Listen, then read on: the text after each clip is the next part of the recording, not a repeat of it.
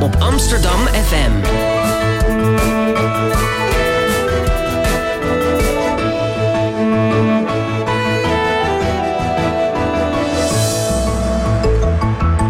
Radio Swammerdam.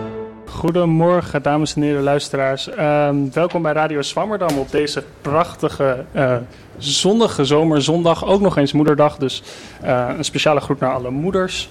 Uh, overal ter wereld en alle grootmoeders. Ehm, maar u bent hier bij Radio Swammerdam, het slimstuurtje radio op de Amsterdamse luchtgolven. En natuurlijk ook de meest academisch verantwoorde podcast van Nederland. Mijn naam is Luc Brans en ik presenteer deze uitzending samen met Lieve Heremans. Goedemorgen, Lieve. Goedemorgen, Luc. Um, vandaag een nieuwe uitzending in ons dossier Groen.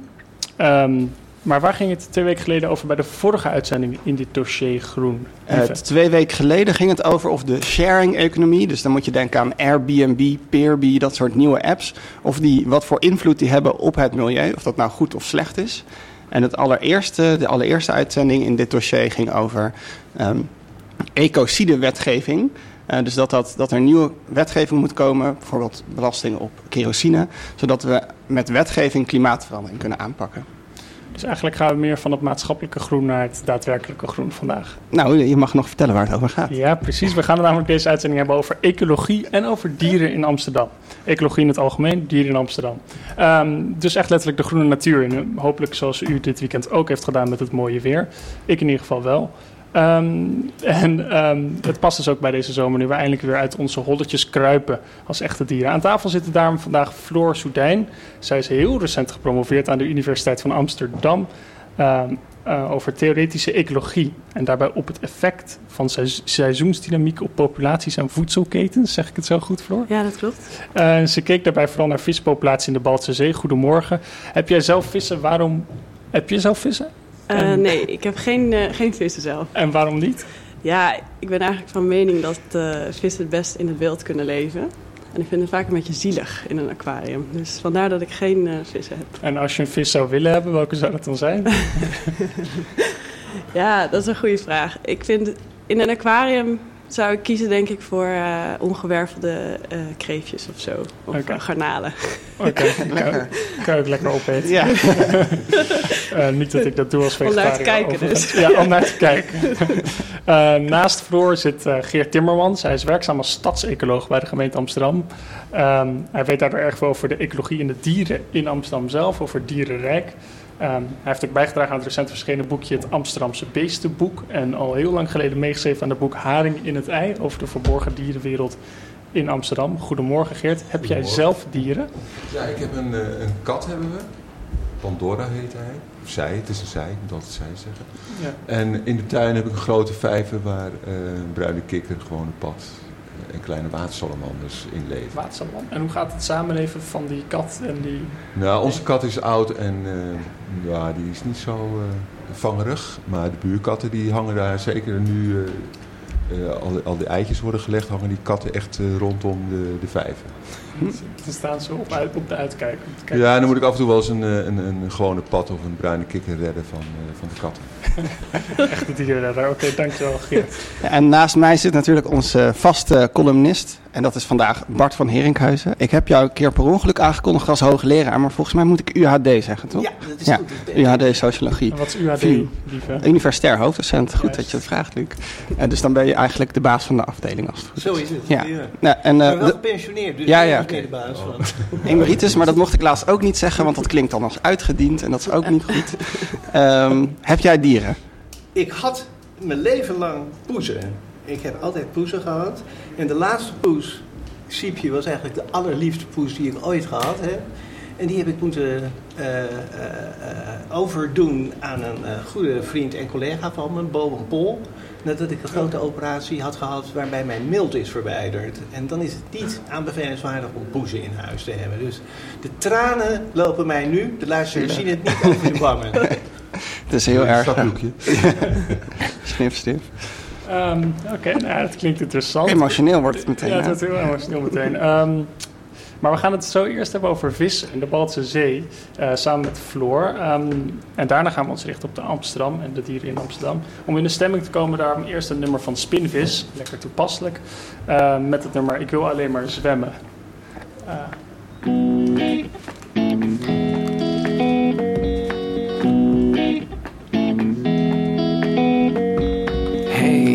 Ik heb geen probleem, ik heb alles gefixt. Ik wou nog iets zeggen, maar ik weet niet meer. Was het zeker Muziek. De dag is nog jong, ze trilt in de zon.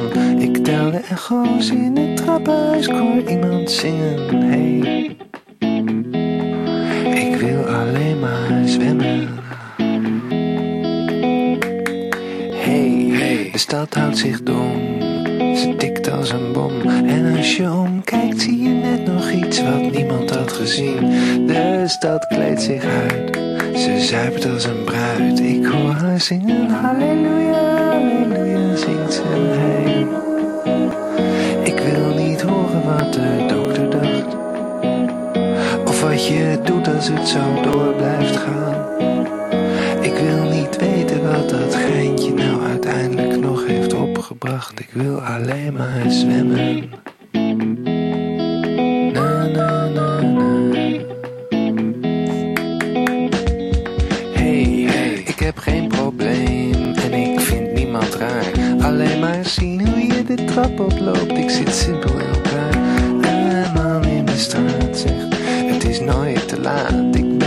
Soldaat, maar ik weet hoe je een trekker overhaalt.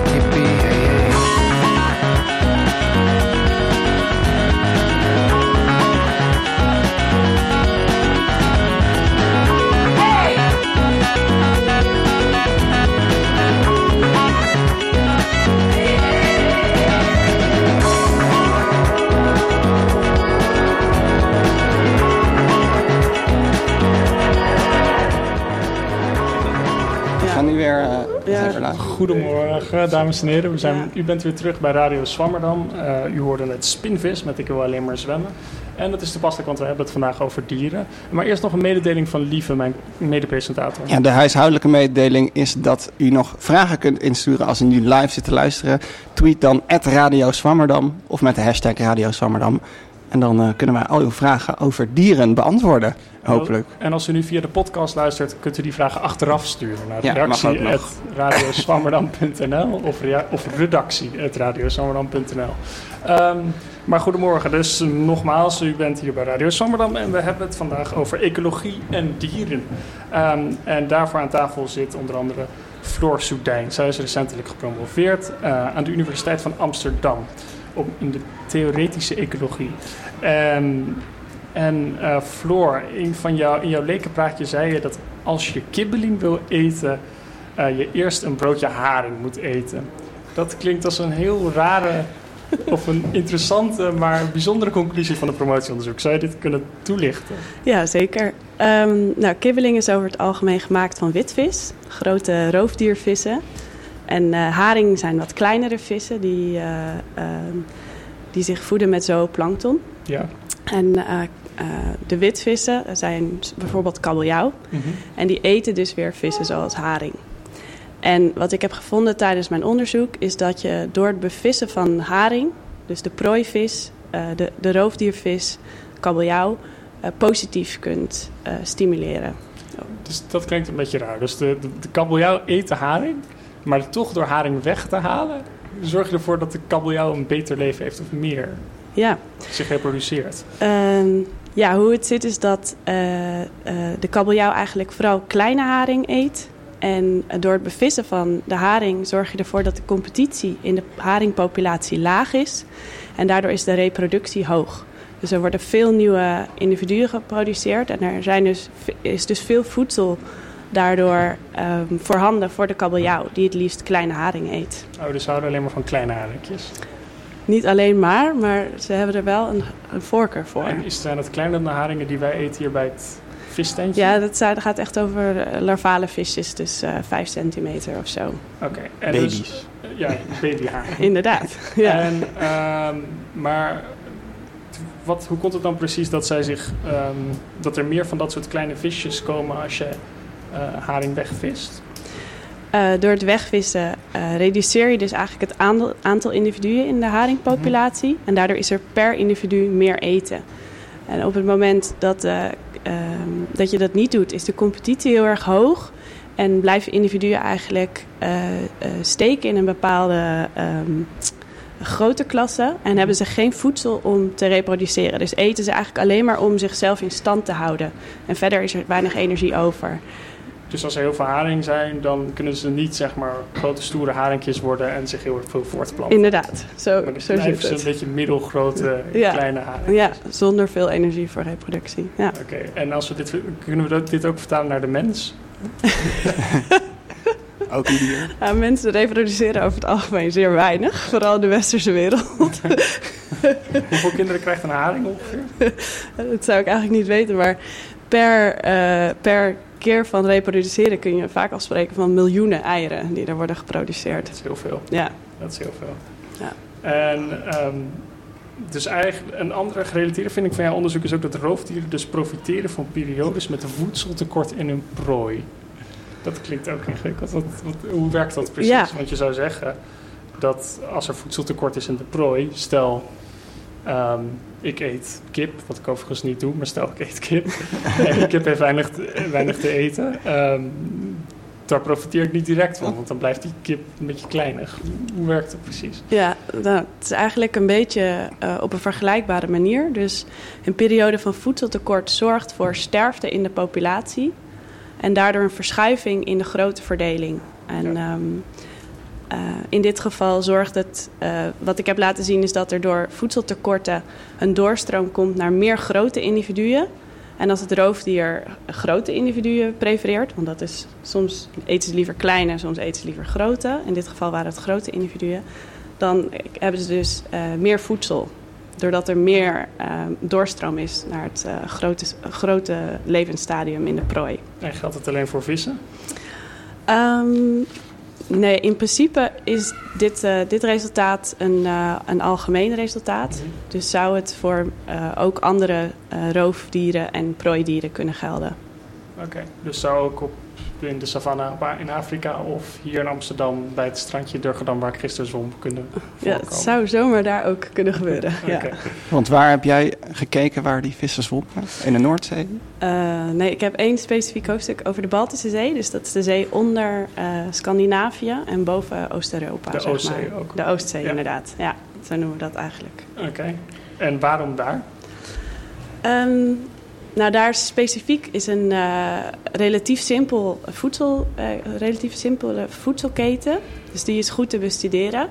In de Noordzee hebben we eigenlijk heel veel verschillende soorten met best wel lastige trofische interacties. Dus heel Trofische veel Interactie? ja, trofische interacties is eigenlijk wie eet wie. En je hebt daar heel veel eh, verschillende niveaus en verschillende dieren die allemaal elkaar be- beïnvloeden.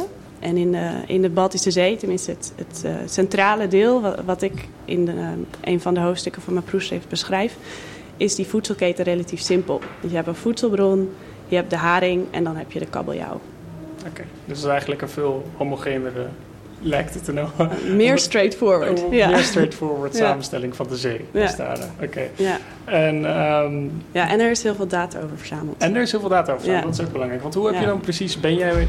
Moeten we, moeten we jou voor, voor ons zien met een gele regenjas aan op een bootje? En een hengel. in De Baltische Zee, en een hengel. En, en daar Hartstikke koud. En een clipboard waarin je aantekent hoeveel haringen je vandaag hebt opgevist. Of hoe moeten wij de theoretisch ecoloog voor ons zien?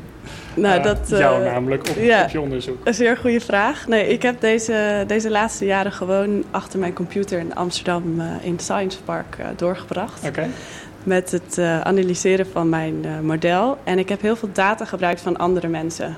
En eh, ja, ja, die data wordt dan vaak verzameld op gigantische schepen. Vol met inderdaad mensen met grote regelaars aan.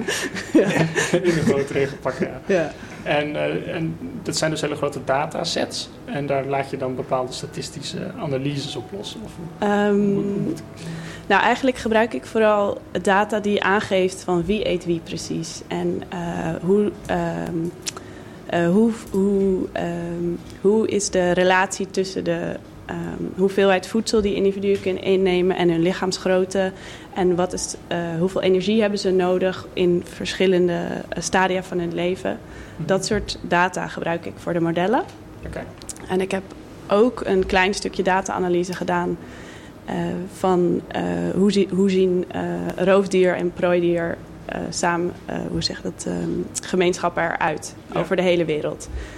En dat is inderdaad een data-analyse dan. Maar je bent dus echt alleen maar theoretisch en achter je computer bezig en helemaal niet empirisch. Dus eh, Ehm, in het veld. data is empirisch. ja, de data, ja, inderdaad. de data is empirisch. Maar leg ik het verschil zelf- uit. heb de data niet verzameld. Ja, dus ik verzamel eigenlijk, ik ge- gebruik informatie die andere mensen hebben verzameld. Als socioloog heb ik hier gewoon enorm veel empathie voor. Want dat doen wij natuurlijk als sociologen ook, toch Bart? Ja, tuurlijk. Ja, Ja. Nee, het is, eh, je hoeft niet met die gele jas aan. eh. maar voor een socioloog is het niet slecht, toch? Ik zat net af te vragen, van, heb jij nou belangstelling om daar toch een keer te gaan kijken naar die centrale Baltische Zee? Ja, zeker wel. Ja, het is leuk. En, Maar je hebt het nog nooit gedaan, dus. Eh, nee, ik niet. Nee. Maar het is vaak ehm, gebruikelijk om als, als theoretisch ecoloog een samenwerking aan te gaan met een groep of iemand die wel heel erg dicht op de data staat, zodat je ehm, een goed gevoel hebt voor wat de data precies betekent. Ja. Oké, interessant. Ik Ben je dan eigenlijk socioloog van de dieren? misschien is dat zo. Ja, misschien is sociologie de ecologie van de mensen. dat, dat is eigenlijk misschien nog wel een hele interessante omschrijving van sociologie. Dus vroeger een, een, een, ecologie, werd wel sociologie genoemd in de jaren 20, Aha. dierensociologie. Ah. Ja? Ja, ja, die term ben ik tegengekomen. ja. Wat geestig. Oké, nou dan, dat is interessant. Ehm, ik wil toch nog heel even terug naar het onderzoek naar een meer theoretisch aspect. En dit is wel moeilijk, dus ik vraag de luisteraars om bij ons te blijven eh, en goed te luisteren. Een van de sleutelbegrippen in jouw onderzoek is iets wat heet biomassa-overcompensatie. Dit klinkt, ehm, dit klinkt ingewikkeld, maar het is wel sleutel van het onderzoek. En wat houdt het precies in en hoe speelt het in op je onderzoek? Oké, bedankt. Eh, biomassa-overcompensatie betekent een toename van biomassa in een eh, bepaald ehm, gedeelte van de populatie. Dus het betekent dat de, de biomassa van een bepaalde categorie eh, individuen, dus met een bepaalde grootte of in een bepaald levensstadium, dat dat toeneemt. En ehm, Dus stel, er zijn meer kleintjes. ja, dus er komen of meer kleintjes of meer grote. En in reactie op een verhoogde sterfte. Snelheid. Ehm, Dus er gaan meer, men- er gaan meer ik wou zeggen Mensen. mensen alweer, er gaan Ja. meer dieren dood en daardoor Ja. komen er bijvoorbeeld eh, verschuift als het ware die, die, die, Ja. eh, de verdeling van Inderdaad. grootte in de Ja, populatie. dat en, klopt. En waarom is dit een sleutel in jouw onderzoek? Ehm, nou, dat is eigenlijk, eh, dat ligt ten basis aan eh, beide eh, bevindingen die je eigenlijk net al noemde. Die Dus van die haring. Die van die haring, het positieve effect van bevissen van haring op kabeljauw. Ja. En het positieve effect van periodieke voedseltekorten in de prooi Ja. op het roofdier. Dus in beide gevallen verandert de grote samenstelling van de prooipopulatie in reactie op verhoogde mortaliteit Oké, of sterfte. oké. Ehm, ik denk dat ik het begrijp. Liever begrijp jij het? Ik zit wel eh, erin, zover dat ik al de vraag wil stellen. Eh, kun kunnen we hier dan ook iets mee zeggen, bijvoorbeeld over tonijnoverbevissing of zo? ja, goede vraag. Tonijn is ook een uh, roofdier. Nu is tonijn wel weer een vrij, uh, ja, een beetje een ander roofdier dan kabeljauw, omdat tonijn heel erg veel trekt. Dus tonijn is voortdurend onderweg, reist echt de hele wereld over. En is daardoor wat minder gebonden aan één specifieke prooipopulatie. En daardoor is het eigenlijk moeilijker om, uh, om over tonijn iets te zeggen, omdat hij heel erg veel verschillende zeeën en uh, systemen um, aandoet tijdens een jaar. Maar kan je wel over ander visbeleid iets zeggen met jouw onderzoek? Ja, zeker. Um, Want er, is veel, uh, er zijn veel problemen van overbevissing in heel de wereld. Uh, we, uh, daar wordt allerlei soorten management op gedaan, of vismanagement. Um, speelt jouw onderzoek daar een rol in? Of kan um, dat helpen? Ja, eigenlijk is mijn bevinding best wel controversieel. Want ik zeg dus van een beetje bevissing van de prooivis kan goed zijn voor de roofdier. Mm -hmm. En dit is iets wat de meeste uh, visserijbiologen heel anders zien. Dus die zijn allemaal zeer bang dat overbevissing van de prooivis zal zorgen voor een negatief effect op, het, op de roofdiervissen. Um, dus dit is, ik, wat ik laat zien is eigenlijk heel, heel anders dan wat, wat er over het algemeen wordt gedacht. En um, dit is voor beleid op het moment best wel relevant, omdat er steeds meer gekeken wordt naar systemen uh, in hun geheel, dus alle soorten samen.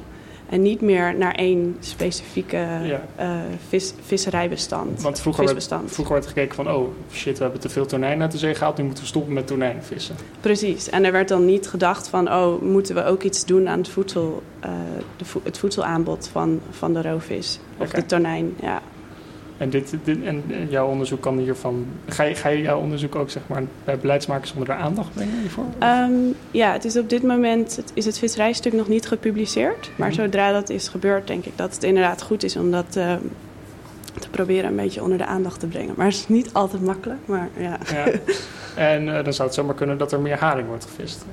Nou, in ieder geval hoop ik dat het ertoe zal leiden dat uh, het geluid wat nu een beetje klinkt, uh, is echt van we moeten die, die visserij op die roofvissen, sorry, op de prooivissen lager maken. Ja. Om de uh, roofvissen te beschermen. En mijn onderzoek wijst eigenlijk uit dat dat misschien wel een negatief effect kan hebben op die roofvissen. Dus ik hoop in ieder geval dat dat dat geluid een beetje getemperd kan worden door, uh, door dit onderzoek. En uh, zijn er meer onderzoeken zoals jou die dit laten zien? Of is het, uh, nee, het is echt een helemaal nieuw, nieuw resultaat.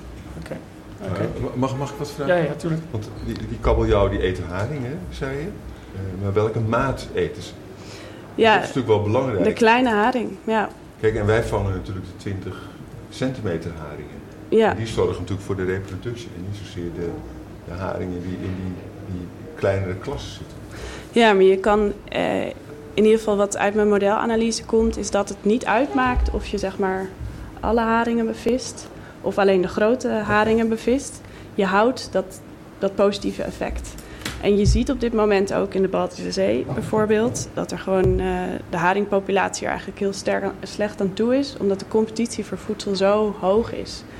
Dus uh, zelfs als het niet per specifiek die kleinste haring is waar die kabeljauw in geïnteresseerd is, dan kun je ook door het lager maken van de competitie zorgen dat de prooivissen over het algemeen in een betere conditie zijn. Dus een hoog, hogere voedselwaarde eigenlijk ook hebben. Dus ik zou, ik zou eigenlijk altijd verwachten dat dat uh, de kabeljauw positief zou moeten beïnvloeden. En het onderzoek gaat ook over seizoenen. Ja. Daar heb je expliciet naar gekeken. Wat voor invloed heeft het seizoen op de vis. En uiteindelijk is de vraag bij mij ook: wordt mijn haring nu dikker als, je, als we jouw onderzoek gaan volgen? um, ja, ik heb inderdaad gekeken naar het effect van de seizoenen op populatiedynamica. Mm -hmm. um, met de seizoenen doen vissen hele andere dingen. Dus uh, vooral in de Baltische Zee, die ligt in de winter helemaal uh, onder het ijs een beetje. Super koud daar. En dan kunnen ze in die wintermaanden vindt er eigenlijk, gebeurt er eigenlijk heel erg weinig. Is er heel weinig activiteit. En reproduceren ze helemaal niet. Dus de reproductie is gebonden tot een uh, aantal maanden in de, in de lente en de zomer. En wat ik heb onderzocht is eigenlijk wat het effect is op zo'n uh, periodieke uh, instroom van kleine individuen in de, in de populatie. En uh, wat blijkt is dat mijn conclusie eigenlijk niet afhankelijk is van, van of je seizoensgebonden reproductie hebt of continue reproductie. Ja. Want het verschilt natuurlijk ook nog per locatie. In sommige klimaten is er wel seizoensgebonden reproductie. Of eigenlijk, dat klinkt heel ingewikkeld, maar ik bedoel gewoon seizoensgebonden voortplanting. en in andere ja. gebieden natuurlijk niet, in andere klimaten. Uh, ja, over het algemeen uh, is er rond de tropen minder, zijn er minder wisselingen tussen de seizoenen. Dus uh, zijn er meer vissen die continu voortplanten. Maar ja, er zijn eigenlijk heel veel plekken waar in ieder geval een soort van seizoenen plaatsvinden. Een regenseizoen of een um, ja, ja, ik denk dat dat een goed voorbeeld is, het regenseizoen. Of wat wij hebben hier in het, in het noorden, uh, wisselingen van temperatuur. Precies. En, en jouw, jouw conclusie hierover was dat het eigenlijk gewoon niet uitmaakt welk seizoen er is. Dat dit effect wat je hebt gevonden eigenlijk altijd optreedt. Ja, of je nou meeneemt of er inderdaad wisselingen zijn tussen de seizoenen of niet. Uh, ik, vind, ik vind altijd uh, het positieve effect van vissen op haring ja. op kabeljauw. Op kabeljauw, ja. Oké, erg interessant. Lief, heb jij nog een vraag, Floor? Ja, moeten we nou meer of minder haring eten? Ik ben nog in de war. Nee. Meer haring. Meer haring, Meer haring, minder kabeljauw. Dat was een vraag die je nu mocht stellen, lieve. Volgens mij had ik, had ik oh, afgesproken dat we het niet over voedsel gingen oh, hebben. Want vertel eens, Floor, wat, wat wordt er gevraagd aan jou als, als, als jij vertelt over je onderzoek in de kroeg? Wat krijg je altijd voor? Ja, de, een van de standaardvragen is altijd van... oh, welke vis mag ik dan wel eten en welke vis mag ik dan niet eten? En, ja. Uh, ja, dan is mijn antwoord natuurlijk standaard ook weer, ja, dat is ingewikkeld. Maar uh, ik heb ook niet, uh, ja, dat is niet specifiek de inhoud van mijn, uh, van mijn onderzoek geweest. Nee, want dat onderzoek is eigenlijk veel mooier. Um, je hebt een prachtig publicist geschreven. Um, wordt het nog in enige manier uitgebracht op een niet-academische wijze? Of, of ga je er de hort, mee, de hort op mee? Ja, weet ik niet. Het zou, het zou kunnen natuurlijk. Okay. Ja, ik denk zodra de artikelen allemaal worden gepubliceerd, is er vaak ook alweer een moment dat er uh, aandacht komt vanuit de media. Dus, maar u hoorde het eerst bij Radio Swammerdam. Ja, inderdaad.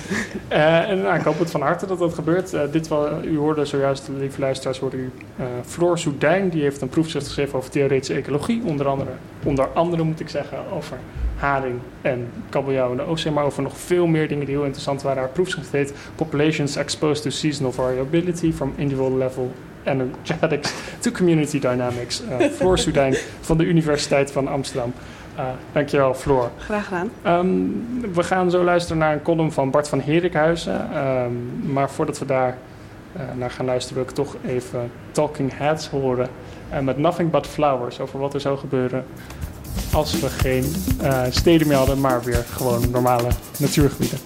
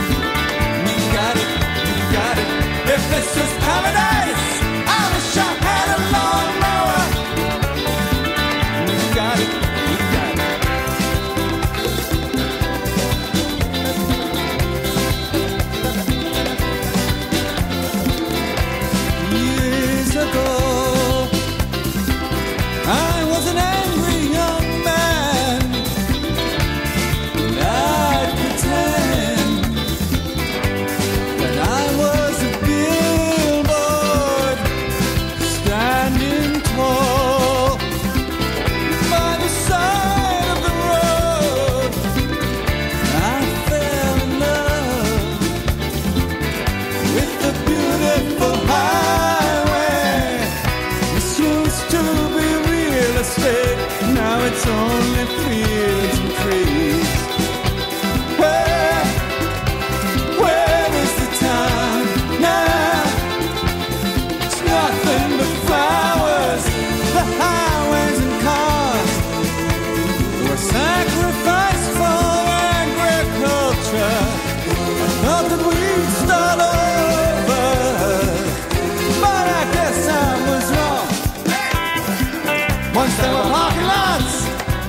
A peaceful oasis.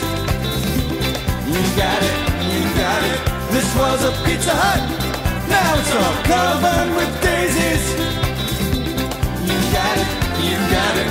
I miss the honky tonks, Dairy Queens, and 7 Elevens. You got it, you got it. And as things fell apart, nobody paid much attention.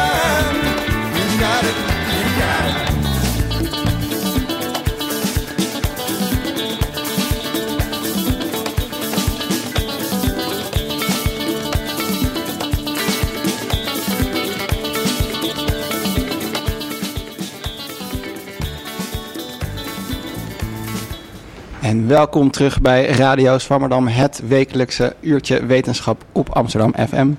We hebben het vandaag over dieren in Amsterdam. En ik ben erg blij dat Bart van Heringhuizen, voormalig UHD, dus hij was hoofddocent aan de UvA, maar is nu gestopt en heeft hij meer tijd om bij ons columns te schrijven. En hij gaat er nu een voordragen. Zo is dat, lieve, inderdaad. Het is eh, inderdaad, je zei het al, fantastisch weer vandaag. Mochten de luisteraars het voornemen hebben om een wandeling te willen maken in godsvrije natuur, dan doe ik graag een suggestie. Neem bus 62 of tram 5 of metro 51 en ga dan naar station Amsterdam Zuid WTC. Loop onder het station door, verlaat het aan de zuidelijke kant. Voor wie daar al een poosje niet meer heeft rondgelopen, je weet niet wat je overkomt. Dit is al lang niet meer zoals zoveel mensen denken, het rijk van de advocatenkantoren, de notarische clusters en de bedrijven die op mysterieuze wijze belachelijk veel geld verdienen. Dit is een nieuwe Amsterdamse wijk waar wordt gewoond en geleefd. Amsterdam Zuidas, om het stadsdeel maar zo te noemen, is een buurt met cafés, restaurants, terrasjes en winkels.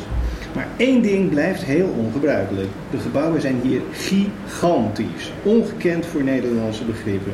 Men voelt zich hier, het is al bijna een cliché, in Manhattan. Een gloednieuw, glanzend, groeiend Manhattan.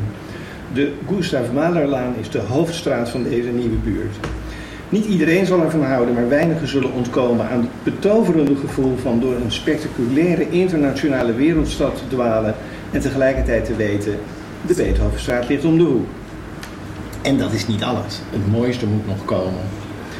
Pas goed op als je de sporen van tram 5 of sneltram 51 kruist. Er vallen hier veel slachtoffers. Steek dan de Parnassusweg over en daar, tussen het verlengde van de Gustav Mahlerlaan en de A10 de Ringweg Zuid, sta je ineens voor een stukje bos. En wat zie je daar tussen de bomen? Zijn dat varkens?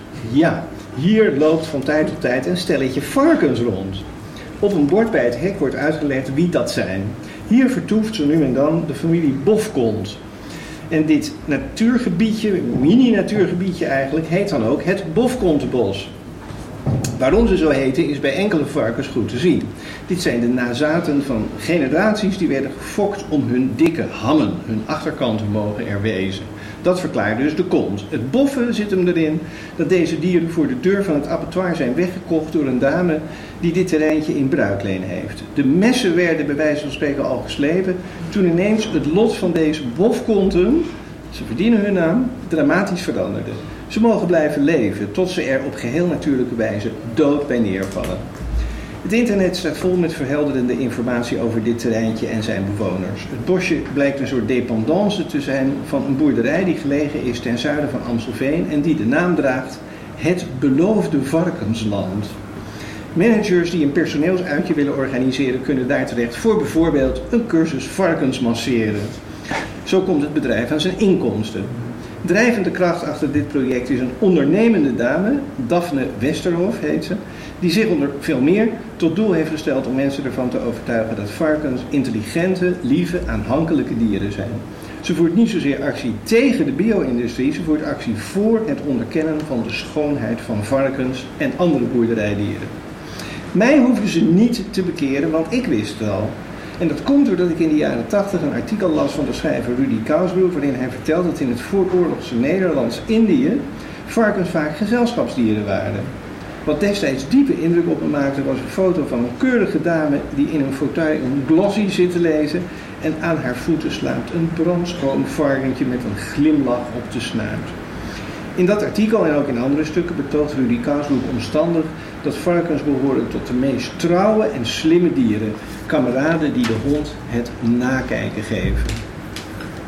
Misschien is het wel vanwege die stukken van Kousbroek dat ik al vele jaren geld doneer aan de stichting Varkens in Nood.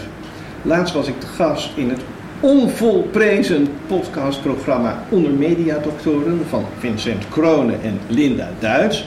Luister daar allemaal naar. En het gesprek ontwikkelde zich toen zo dat ik ineens moest toegeven dat ik nog nooit in mijn leven één cent had uitgegeven aan onderzoek naar kanker of de bestrijding van andere vreselijke ziektes.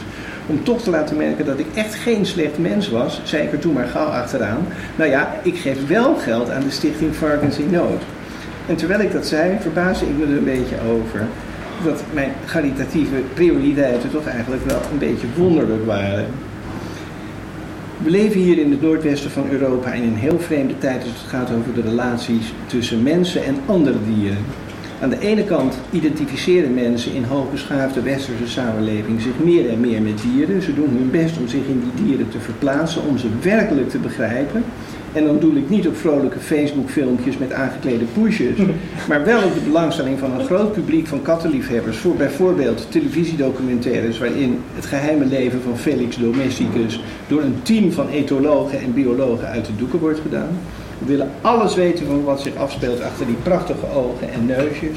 Maar aan de andere kant leven we ook in een tijd waarin het leed van varkens, dat varkens en koeien wordt aangedaan massiever en massaler is dan ooit eerder in de geschiedenis van de menselijke soort. En dat gebeurt hier, in ons land, vrijwel onder onze ogen. Nou ja, niet helemaal, want die varkensstallen zijn zo gebouwd dat je aan de buitenkant niet zo goed kunt zien wat zich daar binnen allemaal afspeelt. En dat is geen toeval. Eigenlijk vinden we het onverdraaglijk wat daar gebeurt, maar we willen het liever niet weten. Voor een socioloog is die coexistentie van sympathie voor en identificatie met dieren enerzijds en grootschalige mishandeling van dieren anderzijds heel interessant. Er worden mooie boeken over geschreven, zoals The Burden of Beasts van de Brits-Nederlandse socioloog Joanne Swabe. Het is een tegenstelling die heel diep gaat. En dan heb ik het niet alleen over een tegenstelling die onze hele samenleving doorklieft, maar ook onze eigen individuele zielen. Hoe vaak heb ik al niet iemand horen zeggen: Nee, ik ben geen vegetariër en ik ben ook niet van plan om het te worden. Maar eigenlijk doe ik iets dat onverdedigbaar is. Daphne Westerhof formuleert het dilemma heel spitsvondig. Ze zegt: Ik hou van vlees, maar ja, ik mag het van de dieren niet eten. Ga eens langs bij het beloofde varkensland aan de Bovenkerkerweg bij Uithoren. Werp eens een blik op het bofkontebosje op een dag dat de varkens daar rondlopen. En denk dan aan die schitterende regel van Rudy Kousbroek, die met een impliciete verwijzing naar Animal Farm van George Orwell schrijft: Ach, een varkensleven. Ik zou voor ieder dier wel willen dat het zijn wandeling op aarde kon vervullen zonder ooit te weten wat verdriet is. Want alle dieren zijn gelijk, maar de varkens, dat is al meer opgemerkt, het meest. Dankjewel Bart uh, voor deze uh, column. Uh, reacties van de gasten. Floor, hoe kijk jij tegenaan? Tegen dierenleed, ja. het eten van dieren. Ik zie het toch wel ook een beetje als in de natuur van de mens, zeg maar, om dieren te eten. Maar we zijn natuurlijk als maatschappij wel erg destructief moment. En de bio-industrie vind ik persoonlijk uh, eigenlijk onverdedigbaar. Oké. Okay. Ik ben uh, niet voor niets vegetariër geworden aan het begin van dit jaar. Het is lastig, maar uh, het is wel leuk. Ja. Het is een uitdaging voor jezelf. En Geert Timmermans? Nou, ik, ik ken het bofkontenbos eigenlijk niet. maar je ziet wel meer hè, dat er allerlei reacties van de mens komen op dieren die wij als huisdieren gebruiken of als uh, die worden vrijgelaten. Dat geeft ook vaak weer allerlei problemen, weer andere Amsterdammers dan weer op reageren door bijvoorbeeld zo'n bofkontenbos uh, op te richten.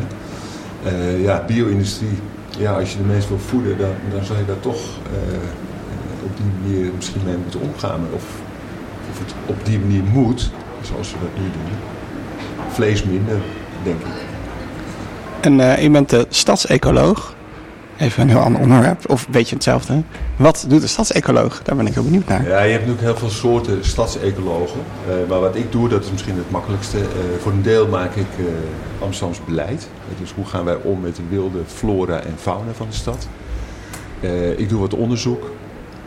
En eh, ik voer ook een deel van het beleid uit. Hè. Dus we hebben bijvoorbeeld, eh, de gemeenteraad heeft de ecologische visie aanvaard. Daar hoort ook bij een ecologische structuur. Het is van hoe verbind je groene gebieden met elkaar. Uh, tussen die gebieden zitten vaak knelpunten. Dan moet je denken aan wegen of, of een kanaal waar een dier wel overheen kan zwemmen, maar niet meer kan uitklimmen.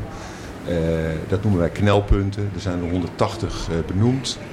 En we hebben afgesproken, of de gemeenteraad heeft gezegd, kunnen we dat voor 2020 al die knelpunten opheffen. Nou, daar zijn we nu natuurlijk mee bezig. En dan moet je dus denken aan ecologische passages, aan FUPs. Een FUP, dat is een fauna-uitstapplaats. Dus je komt als beest aanzwemmen en dan heb je een soort hellingbaantje, waardoor je het kanaal makkelijk uit kan. Uh, een soort carpoolplek. Sorry? Een soort carpoolplek, maar dan voor dieren. Ja, dat is wat anders. Het is, het is eigenlijk meer een trappetje als je dronken s'avonds het, het café uitkomt en je de gracht in.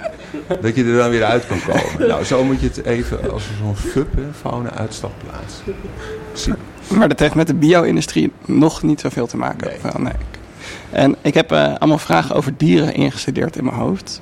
Mag ik die stellen, Luc? Ja, nou, u hoort dus Geert Timmermans, dames en heren. Hij is stadsecoloog bij de gemeente Amsterdam. Um, hij schreef onder andere het boekje begin jaren uh, 90 Haring in het ei over de verborgen dierenwereld. En onlangs droeg hij bij aan het Amsterdamse Beestenboek.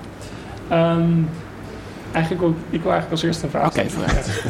uh, in, in een van jouw boeken um, noem jij een dier dat heet de drolbaars. Ja. kan je me vertellen wat de drolbaars precies is? Ja, de drolbaars is natuurlijk eigenlijk vrij... Het is een zeldzaam beest geworden. Doordat dat, dat wij zeg maar, al de riolen hebben afgekoppeld aan het, aan het oppervlaktewater. Het gaat nu allemaal naar de zuivering. kom je de rioolbaars eigenlijk niet meer tegen. Ja, dus het is een, een, een, een zeer zeldzaam dier geworden. Ja. En wat was het dan? Nou ja, een poepvis. De Amsterdammers noemen een drolbaas gewoon een drijvende drol. Ah, okay. En in dat boekje Haring in het ei uh, beschrijven we inderdaad de, de, de fauna van Amsterdam. De vissen ook. En als grap hebben we daar ook een, een beschrijving gemaakt van de drolbaas. en de uitgever, uh, toen hij erachter kwam, toen was het boekje al gedrukt. Die was daar heel pissig over. Ja. Maar als je goed leest, dan kan je ook zien dat het een grap is. Hè? Een drolbaas en hij heeft ook een Latijnse naam. En Melchus Timmeriani. Nou, ik heb het samen met Martin Melchus geschreven. Mijn naam is Timmermans. Dus dan had je eigenlijk al, als je het een beetje serieus had gelezen, had je erachter kunnen komen. Jullie hadden er eigenlijk scheid aan. Ja. Ja, um, ja uh, in Amsterdam heb je heel veel dieren. Amsterdam heeft best wel een unieke uh, ecologie. Uh, best wel veel dieren. Parool schreef zelfs een zogeheten Big Five van Amsterdam, verwijzend naar wat zij de vijf belangrijkste dieren uh, in Amsterdam vonden. En het is de vos, de gierzwaluw, de zeehond, de ijsvogel en de ringslang. Die hebben we allemaal in Amsterdam. Um, ik wil eigenlijk vragen aan de gast aan tafel of iemand hier een, een, ooit een ringslang heeft gezien. Of een zeehond, een van deze, of een ijsvogel. Heeft iemand ooit een van deze dieren gezien? In Amsterdam, hè? In Amsterdam. Uh, in Amsterdam, ja. De ijsvogel wel, denk ik. IJsvogel? Ja, bij de Amstel uh, je want, hem wa zien. want waar houdt hij zich op, Geert, de ijsvogel? Nou, er zijn ongeveer 40 paardjes in Amsterdam, denk ik. 40, 50 paardjes. En uh, nou ja, Park Frankendaal, hè, om een heel stedelijk park te noemen, of het Westerpark. Uh, hier bij Artes uh, vliegen er ook een aantal. En vaak is het eerder horen dan zien. Hè? Dus als je nog een goed gehoor hebt, dan hoor je hem eigenlijk eerder roepen en dan kijk je en dan zie je die blauwe flits langs vliegen. Maar hij is heel snel. Hij is heel snel en hij valt eigenlijk niet op, behalve als hij dan door de zon vliegt, dan zie je die ja, ja, die, letterlijk die blauwe flits uh, even op, oplichten. Maar als je er eenmaal oog voor hebt, dan, dan, dan, dan is hij eigenlijk helemaal niet zo zeldzaam. En, en de zeehonden? Nou ja, zeehonden, die, en, en, dan praten we over de gewone zeehond, want af en toe komt hier ook nog de grijze zeehond voor. het is een beetje onduidelijk hoe ze nou hier het Amsterdamse binnenkomen, waarschijnlijk toch via de sluizen bij IJmuiden. Ook al zou dat ook nog wel via het IJsselmeer kunnen. Nou, gewoon zeehond is bijvoorbeeld in de Amstel voor Carré gezien. En als je ze nu zou willen zien, dan zou je richting IJmuiden moeten bij kanaal C. Dat is een van de zijkanalen van het Noordzeekanaal. Uh, daar is de kans groot dat je daar zeehonden ziet. En, en dan liggen ze gewoon op de platjes bij, uh, bij de mensen die een woonboot hebben. En, en, en wil de gemeente ook de aanwezigheid van dit soort dieren in Amsterdam faciliteren? Nou ja, bijvoorbeeld de, de, de ijsvogels, daar maken we ijsvogelwandjes voor. Oké. Eh, bij de zeehonden zijn we aan het nadenken of we met het westelijk havengebied, dus met de haven Amsterdam, of we daar niet zandplaatjes kunnen maken waar die beesten ook kunnen zonnen en drogen. Want voor voortplanting heb je eigenlijk strandjes nodig, omdat ze alleen maar boven het water ook eh, baren. Dus dat doen ze niet onder water.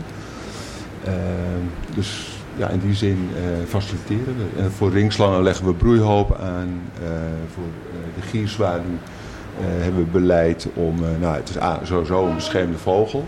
Dus je, kan niet zomaar een dak openbreken als daar eh gierzwaluwen broeden. Maar daar heb je speciale dakpannen voor. Nou, die kan je aanbrengen. Dit gaat over voortplanting. Maar volgens mij maakt de gemeente ook heel veel dieren af. Volgens mij 50 schipholganzen per dag, klopt dat?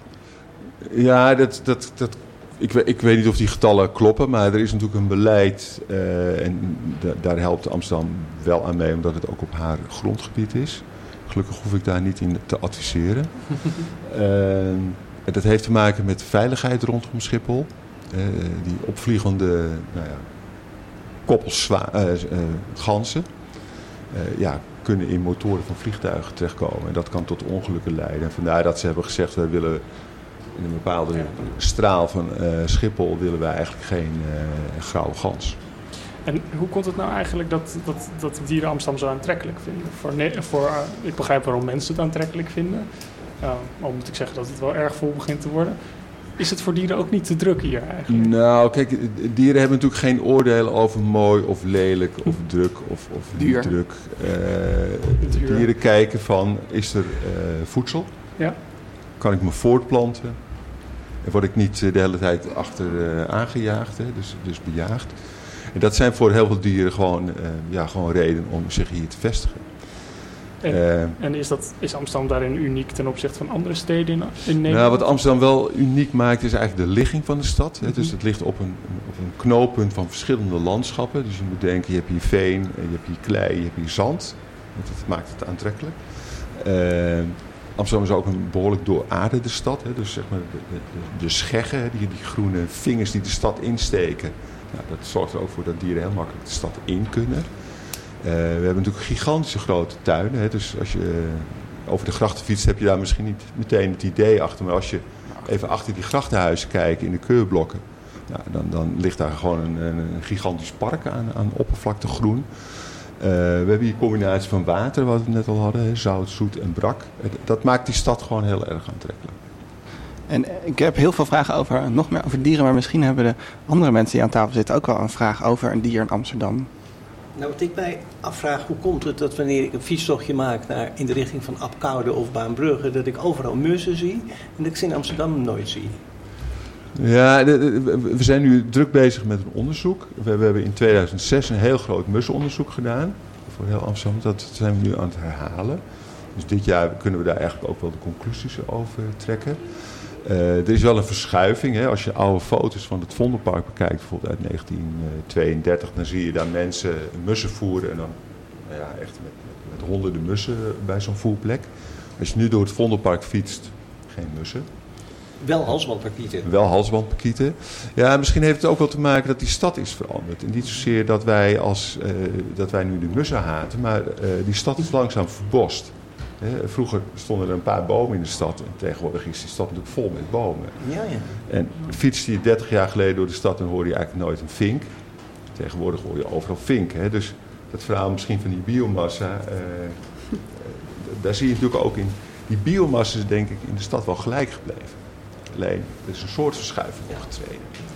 En Er zijn meer vinken en minder huismussen. En die huismussen, wat jij dan eh, goed hebt geobserveerd richting Breukelen, daar zie je ze meer. Maar dan heb je ook wat opener landschap.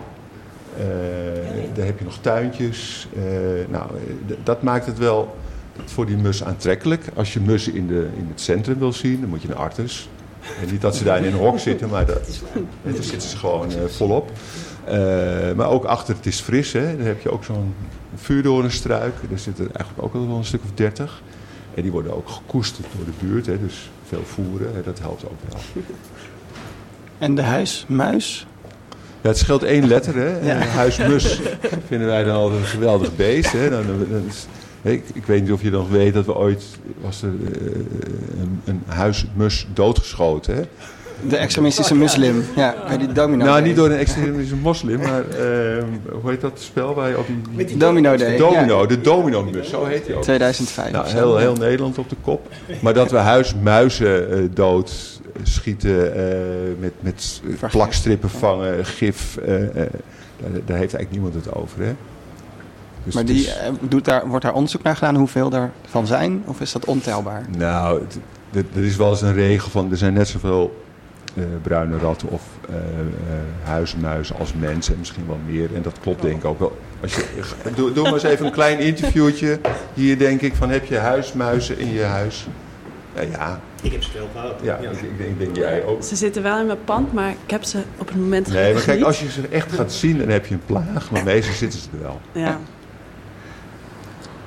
Ja, ehm, ehm, wat ik nog wou vragen ehm, is eigenlijk, je had het net over dat mussenonderzoek uit 2006 en toen je het zei kon ik me heel vaak herinneren dat er toen bij ons thuis op een prikbord een, een uitknipseltje hing uit de krant. Volgens mij dat we mussen moesten tellen. Gebeurt dat, dat mussen tellen, dat mussenonderzoek gebeurt door burgers te vragen te tellen, toch? Ja, we, we hebben een, oproep aan de burgers om sowieso dingen door te geven. Gierzwalen, spreeuwen, huismussen. Dat, dat, dat is echt een, eh, nou, een groep waar we wel willen weten waar ze zitten en in, in welke hoeveelheden.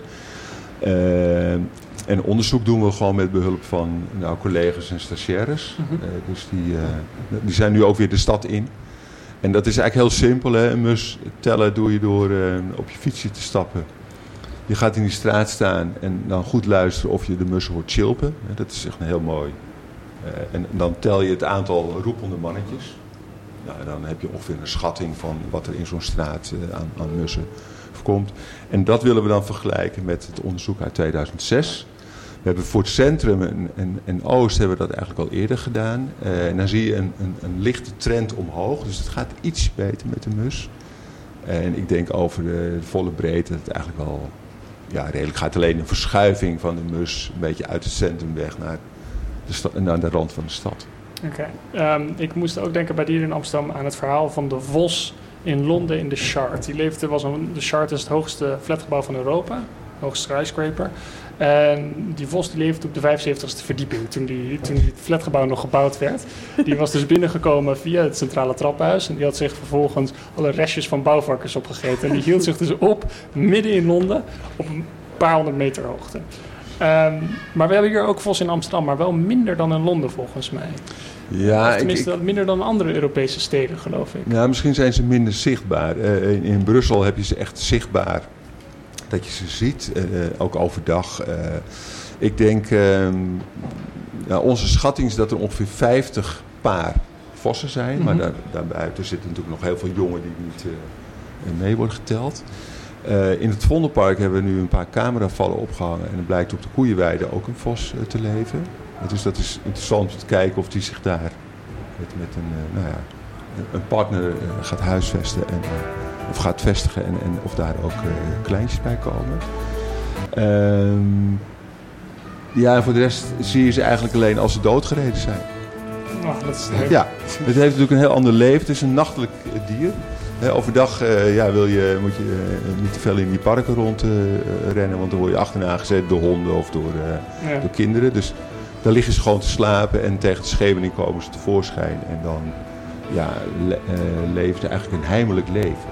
Ja. Dan zie je ze niet zo snel. Dat is heel mooi. Ik uh, dank je wel. Uh, Geert Timmermans, sorry, stadsecoloog van de gemeente Amsterdam. Ik hoorde eindtune al, dus ik uh, wil nog één hele laatste korte vraag die u in één woord moet beantwoorden.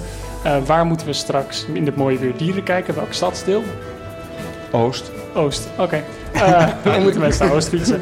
Um, Uh, u hoorde vandaag uh, de laatste uitzending in het dossier Groen van Radio Swammerdam. Um, we hadden het vandaag over ecologie in dieren. Aan tafel staat Geert Timmermans, die hoorde u net, uh, stadsecoloog bij de gemeente Amsterdam over het Amsterdamse dierenrijk. En daarnaast zit Floor Soudijn. zij vertelde ons over haar promotieonderzoek in de theoretische ecologie. Onder andere over haringen en kabeljauw, maar ook over veel meer in de Baltische Zee. Bart van Herikhuizen verzorgde de column. Hartelijk dank daarvoor.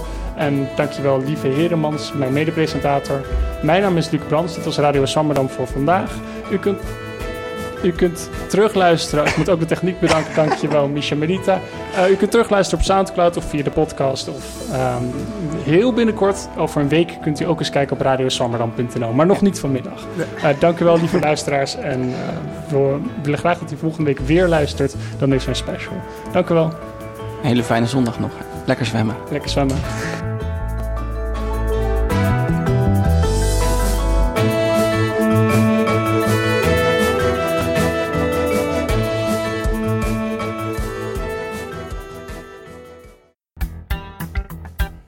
Iedereen met een bovengemiddelde interesse in de media is er Onder Mediadoktoren, de podcast waarin communicatiewetenschappers zich verwonderen over de media.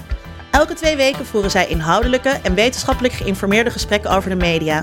Ze laten daarbij andere experts en programmamakers aan het woord en kijken welke antwoorden er bestaan op een centrale vraag. Met Onder Mediadoktoren zit je nooit meer verlegen om een sterke mening. Kijk op ondermediadoktoren.nl of abonneer je via iTunes. Verwonder je mee met de Mediadoktoren.